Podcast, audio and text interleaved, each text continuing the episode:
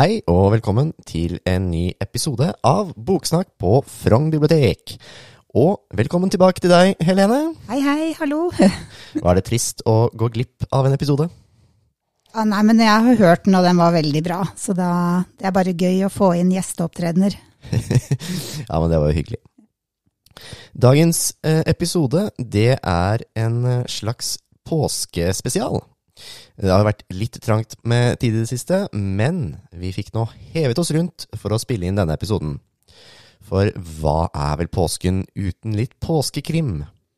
Hvordan er det med deg og eh, krim i påsken, Helene? Du, vet hva, jeg er en av de få, kanskje, som ikke leser så mye krim. Og det er ikke fordi jeg ikke liker krim, men det er fordi jeg har en forferdelig uvane at jeg alltid må lese slutten eh, av boka når jeg har plukket ut en bok. Og det skjærer seg når det er krimbøker. ja, da kan det kanskje bli litt mindre, litt mindre spenning på, Ja. på veien. Ja, um, for meg i hvert fall så blir det jo ikke skikkelig påske uten en eh, god dose krim. Både på TV og i form av en bok eller to. Så i dag så tenkte vi jo rett og slett, og ganske kjapt, eh, presentere litt ulik eh, krimlitteratur. Vi hadde krimkafé her på biblioteket for et par dager siden, eh, så for de av våre lyttere som var der, så blir jo dette et slags sammendrag av det vi snakket om da. Men for de av dere som ikke var der, så blir jo dette helt splitter ny informasjon. Gled dere. Ja, hold dere fast. Så da tenkte jeg rett og slett jeg starta her, ehm, og jeg skal nå snakke litt om en bok som heter Fluktens vinger av Ken Follett. Og det er jo ikke en klassisk krim, eh, men det er jo en spenningsroman. Og for de som ikke kjenner Ken Follett, så er han en britisk forfatter, som jo er kjent for spenningsromaner og ofte ganske omfangsrike historiske romaner. Han slo gjennom med Nålen i 1978, som for øvrig er jo en veldig spennende og kul bok. Så for de som eventuelt ennå ikke har lest den, så den er heller ikke så tjukk, så er det en fin inngangsport til, eh, til Ken Follett. Denne boka her, altså Fluktens vinger, eller Hornet Flight, som den jo heter på engelsk, eh, den er fra 2002. Og vi befinner oss under andre verdenskrig, nærmere bestemt 1941. Britenes flyvåpen, eh, RAF, eh, gjennom, gjennomlever en tid med tragisk mange tap av bombefly over Tyskland. Og mye tyder på at fienden er kommet langt i utviklingen av et nytt og avgjørende instrument, nemlig radar. I London så fanger etterretningsoffiseren Hermia Mount opp signaler som fører henne til et lite sted på kysten av Danmark. Harald Olufsen, en 18 år gammel dansk gutt, kommer uforvarende og livsfarlig i nær kontakt med en mystisk installasjon som viser seg å være nettopp en tysk radar. Og brått så er han en viktig person. Jaget av tyskerne, ønsket av motstandsbevegelsen. Han er 18, mer interessert i finurlige motorer og søte jenter enn i spionasje. Og han kastes ut i en situasjon der både teknisk oppfinnsomhet og en gryende forelskelse blir avgjørende. Mens dansk motstandsbevegelse bygges opp, utsettes den også for fatale tap. Hermia må verve nye spioner i Danmark, hvor også hennes forlovede, den danske Arne, bror til Harald, blir involvert. Og en rull med fotografier av radaren må for enhver pris bringes til krigsmyndighetene i London før neste bølge av bombetokt igangsettes. Og jeg likte denne boka skikkelig godt. Det er godt driv hele veien. Eh, omstendighetene og, og bakgrunnsrammen for historien. Den er spennende og interessant. Så for de som liker spennings- eller sånn spionbøker satt til andre verdenskrig, så vil jeg absolutt anbefale denne. Man blir ordentlig glad i karakterene, eh, og det er gøy å, å følge utviklingen deres gjennom utfordringene de blir satt overfor. Og utfordringer, det er jo ikke mangelvare her. Så følger man flere ulike karakterer i boken, um, og jeg syns vel egentlig at ingen av dem er noe kjedeligere eh, enn de andre. Alle er liksom interessante og, og spennende å følge. Og så selv om måtte ikke alt i boken nødvendigvis er sant, så kunne det jo ha vært det. Og dette er jo en sånn slags fiksjonell fortelling om faktiske hendelser, kan man vel si. Så det er en spennende historie om en tilsynelatende liten brikke i et stort spill. Høres spennende ut, Fredrik. Absolutt. Ja. Jeg håper du har klart å friste noen til å ta fatt i den. Vi har den jo her på biblioteket, så den kan jo lånes eller reserveres hvis den er utlånt, da. Det kan den. Ja. Ok, da hopper jeg over til min første bok. Eh, Det er en bok som er skrevet av Elina Backman og heter Når kongen dør. Elina Backman hun er en finsk debutant, eh, og denne boken er den første i en ny serie. Eh, Boken er solgt i 15 land, eh, og det er også snakk om at det skal lages en internasjonalt TV-serie basert på denne boka. Um, journalisten Sanne har nettopp fått sparken fra jobben i sladrepressen. Hun er en sånn e-journalist. Uh, og hun bestemmer seg for å reise til tanten i Hartola for å samle krefter der. Og mens hun er der, så kommer hun over en gammel forsvinningssak eh, om tenåringsjenta Helena, som ble drept for 30 år siden. Eh, de fant aldri ut hva som egentlig hadde skjedd da. Så Sanna begynner å lete etter eh, løsningen, eller hva det var som egentlig skjedde. Og hun opplever at befolkningen i Hartala de snur seg litt mot henne, og er litt sånn eh, Ja, hun møter motstand, da, eh, mens hun driver og undersøker saken. Samtidig, i Helsinki, så er det en mann som blir funnet drept, og drapet har et rituelt preg. Han er blitt druknet, og han har fått svidd inn en kongekrone på kroppen. Det er sjefsetterforsker Jan og kriminalkommissær Heidi som sammen begynner å jakte på, på morderen. Og det er kanskje ikke overraskende at det dukker opp flere drap med den samme kongekronen eh, svidd inn i kroppen. Da. Og så har det seg sånn da at Sanna og Jan de møtes på en blind date. Begge har vært på utkikk etter en å, å, være sammen med. Og noen klarer å koble disse to sammen. Og når de begynner å snakke sammen, så oppdager de at de, ja, de forteller hverandre om sakene de jobber med, og så skjønner de at det kanskje kan være en mulig kobling mellom drapene. Og de begynner å undersøke dette. Boka er også lettlest. Um, karakterene i boka er sterke, så vi blir godt kjent med dem, og vi blir glad i dem. Eller kanskje ikke. um, dette er etterforskningskrim, men det er ikke bare det. Da. Du får også litt sånn del i, i, menneskers liv på godt og vondt, og det blir også en liten dose med kjærlighet. Jeg likte veldig godt boka, og jeg sa jo i stad at jeg alltid leser slutten først, så denne gangen så satt jeg meg ned og hørte jeg boka på, som lydbok. Og dermed så klarte jeg å lese den uten å vite løsningen til slutt, og det var faktisk veldig gøy. Så nei, jeg anbefaler den veldig til de som liker spennende, underholdende bøker, de som liker etterforskningskrim, og ja. Så bra. Jeg fikk jo lyst til å lese den sjøl, jeg. Det jo, høres jo som alt lå til rette der for en, for en spennende leseopplevelse. Ja, det, det gjør det. Og jeg, jeg, kan jo si at du kan jo liksom, Hvis du liker Stig Larsson eller Jon Øsbø eller Lars Kepler, så kan dette også være boka for deg, da. Ja. Mm. Så den er ganske voldsom? Nei, den er egentlig ikke det. Nei, det har mer med språk og handling og sånn å gjøre, men den er ikke sånn voldsom egentlig. Nei. Nei. Ok. Da um, skal jeg ta for meg en bok som heter um, Bjørnen, som er skrevet av Gard Sveen. Og Gard Sveen han vant Riverton-prisen i 2013 for debutboka si Den siste pilegrimen. Og der blir vi for første gang introdusert for politietterforskeren Tommy Bergman. Og i 2018 så kom den fjerde boka i serien om Tommy Bergman, og det er da denne jeg skal snakke om nå, Bjørn.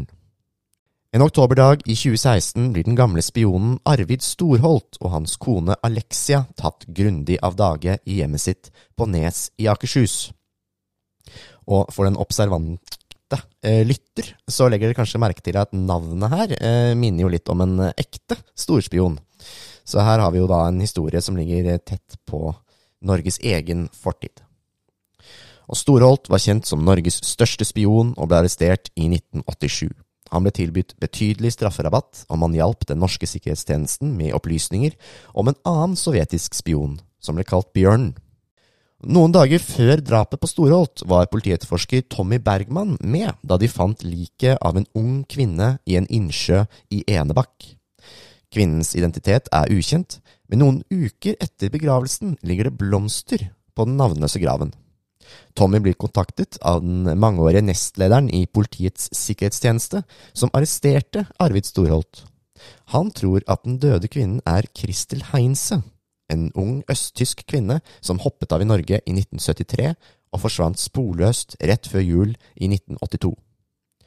Politietterforsker Tommy Bergman blir sendt på en labyrintisk jakt i sporene etter den kalde krigen, en som vil lede ham til den største spionen Norge har hatt, mannen som kom seg unna, Bjørn. Den hørtes også spennende ut. Det er ikke så lenge siden den kom. Par Det var i 2018. 2018, ja. Mm. Mm. Da må vi kanskje vente på en ny bok, for da, han har ikke gitt ut flere nå. Jo, han har gitt ut én til i den serien etter den, som heter Drømmenes gud.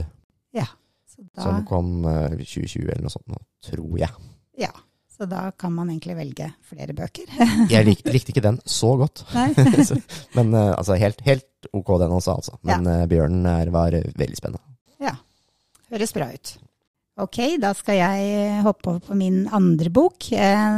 Den er skrevet Altså, Vigmund Bjørke, forlaget Vigmund Bjørke, de har begynt å gi ut en bokserie som er basert på De ti bud. Eh, Og en av de tingene med den serien er at den skal ikke være så lang. Og så har de invitert forskjellige forfattere til å skrive bøker basert på de budene, da. Og første boka ut i denne serien, den kom for noen år siden. Det er Jørgen Brekke som har skrevet boka Andre guder.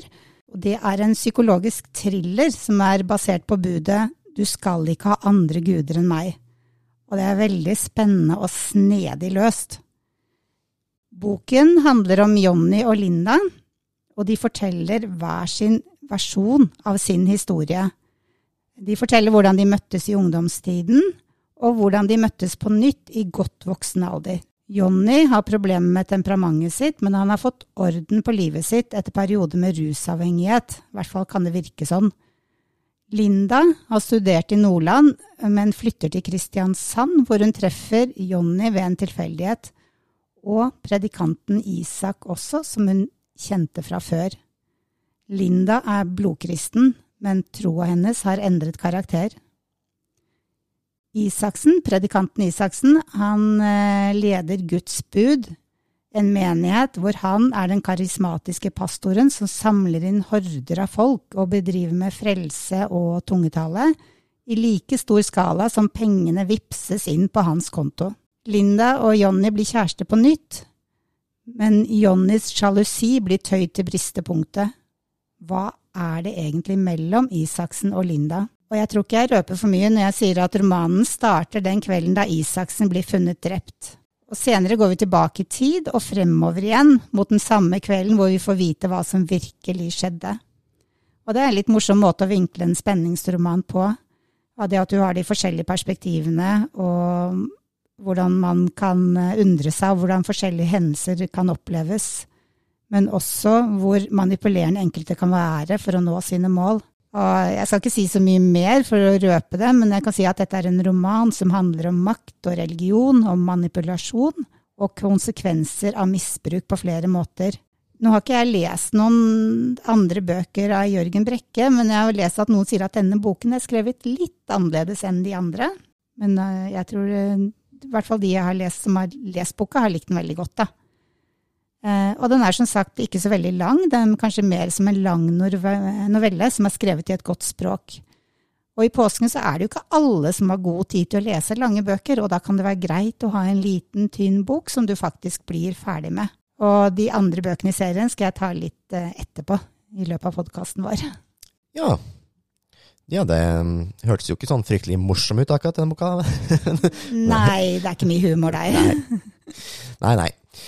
Men det er det her, fordi mm, denne boka her, 'Sløve hester' av Mick Heron eh, Og dette her er jo heller ikke en sånn klassisk krim, eh, men en eh, spion- og spenningsroman. Altså en moderne spionthriller. Og dette er første bok i en serie. Eh, Og TV-serien basert på denne boka den har akkurat eh, hatt premiere på Apple TV med Gary Oldman i hovedrollen. Nå har ikke jeg sett serien selv ennå, men jeg tenkte nå å ta en titt i påsken. Eh, fordi den har, så vidt jeg har fått med meg i hvert fall, fått ganske god kritikk. Så det kan jo være tips for de som har Apple TV og tenker at en engelsk spionserie er akkurat det de trenger i påsken. Men eh, skal vi se, tilbake til boken. Etter å ha begått en grov tjenestefeil blir MI5-agenten River Cartwright forvist til det såkalte Slow House, en forfallen murgård i en muggen del av London. Her holder også et knippe andre tapere til, agenter og spioner som har gått skikkelig på snørra. Glemt harddisker med hemmelig materiale igjen på toget, sørget for at kollegaers liv har blitt satt i fare, og videre i den stilen. Slowhouse er MI5s uoffisielle skammekrok. Her hersker en giftig atmosfære av mistenksomhet og kald forakt. De degraderte hater hverandre og det nedverdigende arbeidet de blir satt til å utføre. Og på kontoret i tredje etasje sitter den mest ufordragelige av dem alle, Jackson Lamb. Han er kjederøykende og sjaskete og konstant ufordragelig. Men lynende intelligent, en genial spion og sjefen for det hele. Og så en dag så skjer det noe som får denne gjengen til å våkne av transen. På nettet dukker det opp en videosnutt av en ung pakistaner som sitter svinebundet i en kjeller, kidnappet av en gruppe rabiate høyreekstremister. Og deres budskap er kort og ikke til å misforstå. Fangen skal halshugges om 48 timer, live på nettet. Jeg synes jo denne boka her, for det første, er ganske morsom.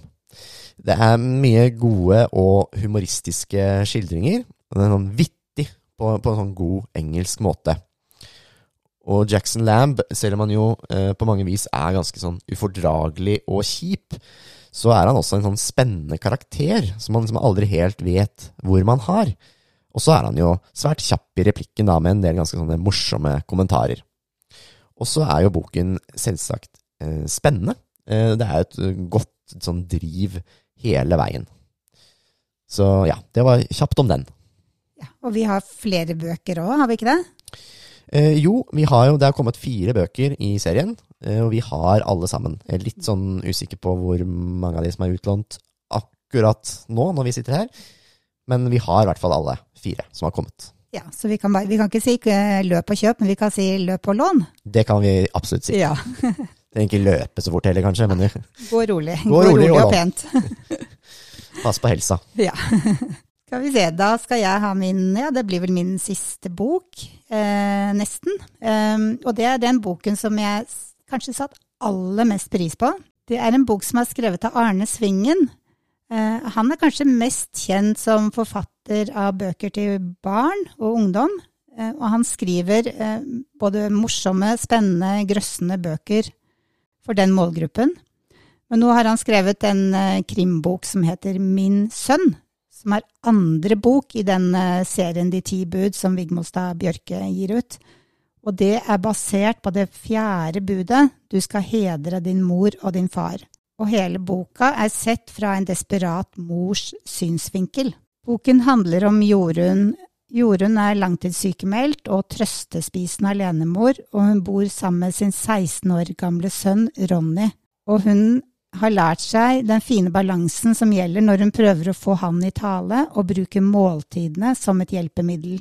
Det er mye snakk om pasta i boka, for eksempel. Og forholdet er som det ofte er da, når man har en, eh, et barn i tenårene, tenårene ganske skjørt. Men det fungerer på et vis. Og jeg tror de fleste som, kanskje, som har hatt tenåringer i hus, kjenner seg igjen, men er litt mutte og lite meddelsomme Ronny. Og huske følelsen av frustrasjon når ikke du kommer i kontakt med, med barnet sitt. Da. Og en eh, natt så har Jorunn sin eh, nattlige snartur til kjøleskapet for å se om det er noe Jeg tror det er noen kyllingvinger hun har så lyst på. Så hører hun at sønnen kommer hjem, og han er blodig og fæl. Og hun gjemmer seg i skyggene uten å avsløre hva hun har sett. Og To dager senere så blir det funnet en eldre dame i nabolaget, og hun er blitt drept i leiligheten sin. Resultatet av at Ronny ikke snakker med moren sin, er temmelig fatalt.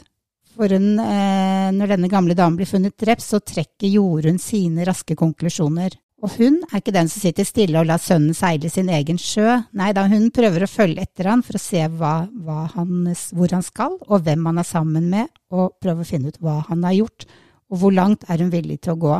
Dette er en eh, spennende bok, eh, og det er en veldig humoristisk bok. Jeg satt og lo ofte når jeg leste den, og jeg kjente, kunne faktisk kjenne meg igjen noen ganger også. Og den er eh, ja, både fornøyelig, sår og kanskje litt skrudd. Men det er en veldig god beskrivelse av forholdet mellom mor og sønn. Språket fly, er, flyter veldig lett, og den er jo i denne serien som de andre bøkene veldig, ja, ikke så veldig lang, da. Og dette er en fin bok som passer for mange, og kanskje den kan være fin som en høytlesningsbok i påsken. Den, uh, ungdom kan godt også høre denne boka, eller lese denne boka.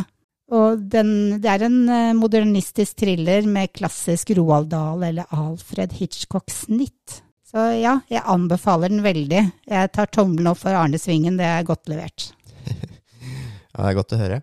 Ja, Nei, eh, da skal jeg sånn avslutningsvis her eh, ikke snakke om en eh, konkret bok, men jeg tenkte å nev nevne litt raskt om en herlig krimforfatter. Nemlig Gunnar Staalesen og hans forfatterskap. Og han er jo fra Bergen. Han debuterte i 1969 med romanen Uskyldstider.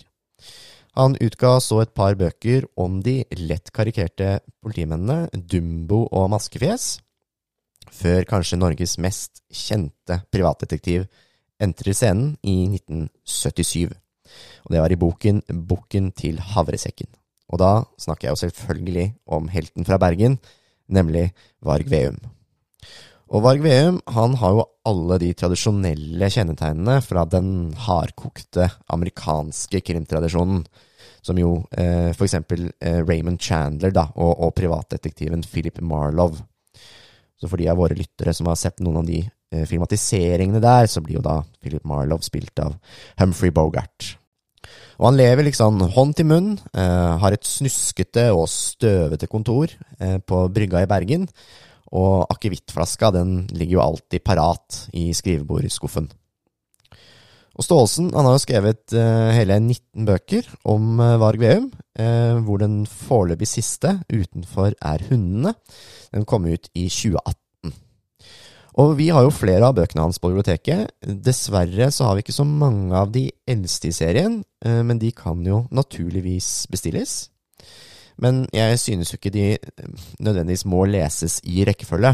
Eh, for det er jo sjelden at det er en sånn direkte oppfølger, selv om det jo er forhold mellom karakterer som jo oppstår og, endrer seg eh, gjennom bøkene. Men man kan fint lese en av bøkene enkeltstående. Og grunnen til at jeg liksom har tatt med Varg Veum og Gunnar Staalesen her i dag, det er jo at jeg opplever sånn overraskende mange sånn krimentusiaster som kommer på biblioteket og spør om anbefalinger, og som har de aldri lest noen av bøkene om Varg Veum. Og det synes jeg man skal. Fordi, som jeg nevnte, så er det, det er jo den hardkokte krimtradisjonen. Eh, Varg Veum han er en sånn ordentlig god, gammeldags privatdetektiv smart og, og kjapp i replikken. Og selvsagt sånn alltid i en konflikt med politiet, som jo naturligvis ikke liker han noe særlig. Og så er bøkene de er jo forholdsvis korte og konkrete. Det er liksom ikke så mye dilldall og sånne langtekkeligheter. Og så er de det som i hvert fall jeg synes er det aller viktigste når det kommer til krimbøker. De er smarte, og de er spennende. Og jeg syns jo Staalesen skriver godt. Eh, og med tanke på at den første boka er fra 1977, eh, og den siste 2018, eh, så har han liksom alltid klart å fornye da både liksom Varg, men også de kriminalsakene som han blir innblandet i, da. Så er det jo en statue av Varg Veum som står utenfor Strand hotell i Bergen. Og denne privatetterforskeren fikk jo som den første og eneste oppdiktede person Riverton-klubbens ærespris i 2012. Og så er det jo gjort eh, tolv filmatiseringer av bøkene. Eh, det er dessverre, i hvert fall i, min mening, at det er ikke spesielt bra. Eh, med da med Trond Espen Seim i hovedrollen som Varg Veum. Men Så dere trenger ikke nødvendigvis se de filmene, men les heller gjerne bøkene. Da vet jeg ikke, hadde du noe mer på hjertet, Helene? Ja, jeg hadde det faktisk. Ja. Jeg må ha en liten avslutning, jeg òg. Ja. Jeg tenkte bare kort jeg skulle si noe om de to i denne serien da, som er gitt ut, som er basert på De ti bud, så har det kommet to bøker til. Eh, og den ene boken den er skrevet av Knut Nærum og heter Sannheten. Det er ikke en krimbok, men det er en satirisk framtidsfabel Så den er absurd. Den er veldig morsom, kanskje spesielt for oss som liker å lese og er glad i bøker. Ja, det er en del sånne episoder, blant annet så får man eh, operert inn en skip som gjør at du ikke kan lyve. Og da er det fryktelig vanskelig å være en forelder som er på barnas avslutning på skolen, og hvor barna kommer og spør om de var flinke, og de kanskje faktisk ikke var det. Du, du, man kan ikke lyve, lyve seg bort fra det. Så er, det er masse morsomme episoder, og man brenner bøker, og man uh, melder inn til tilsynet eh, de som leser feil type bok, og det kan være alt fra Knausgård til Hamsun til ja, masse kjente forfattere. Så ja, har dere lyst på en morsom bok i påsken, så les gjerne den. Og igjen er den en kort, kort bok, og um, lett å lese. Og den andre, siste bok som er kommet ut, det er den fjerde boka i serien. Den heter, er basert på budet 'Du skal ikke bryte ekteskapet', og er skrevet av Agnes Lovise Matre og heter 'Til døden'. Den har jeg faktisk ikke lest selv, så det er første gang jeg snakker om en bok jeg ikke har lest. Men det her skal være en god psykologisk spenningsroman om et ungt par som eh, gifter seg etter å ha kjent hverandre kort tid og så oppdager de etter hvert at de faktisk ikke kjente hverandre så godt allikevel, og de begynner å finne ut ting om hverandre som kanskje ikke er så bra. Um, det er mange mørkelige hemmeligheter, og dette er um, Jeg gleder meg veldig til å lese den. Uh, noen har skrevet at dette er den beste boka i serien, og, og hvis denne slår boka til Arne Svingen, min sønn, så må den være bra. Syns jeg, da. Og den kan minne litt om Ruth Lillegraven og Helene Flod, for de av dere som har lest de bøkene. Så jeg gleder meg til det kommer flere bøker i denne serien, for av og til er det godt med litt korte bøker som du blir fort ferdig med. Godt for mestringsfølelsen. Ja. sånn apropos eh, Knut Nærum, han, eh, jeg syns han skriver veldig godt. Og han skriver også veldig spennende krimbøker. Mm. Som er både ja, spennende og morsomme, da. Han er jo han er jo en vittig fyr. Ja, han er det. Absolutt. Men eh, da håper jo jeg at vi har fått spredd noen eh, tips til påske, eh, eller til når du ønsker å lese en spenning- eller krimroman. Så er det vel ikke så mye annet å si enn at vi ønsker alle en riktig god eh, påske, og så høres vi snart igjen. Ja. God påske til alle sammen.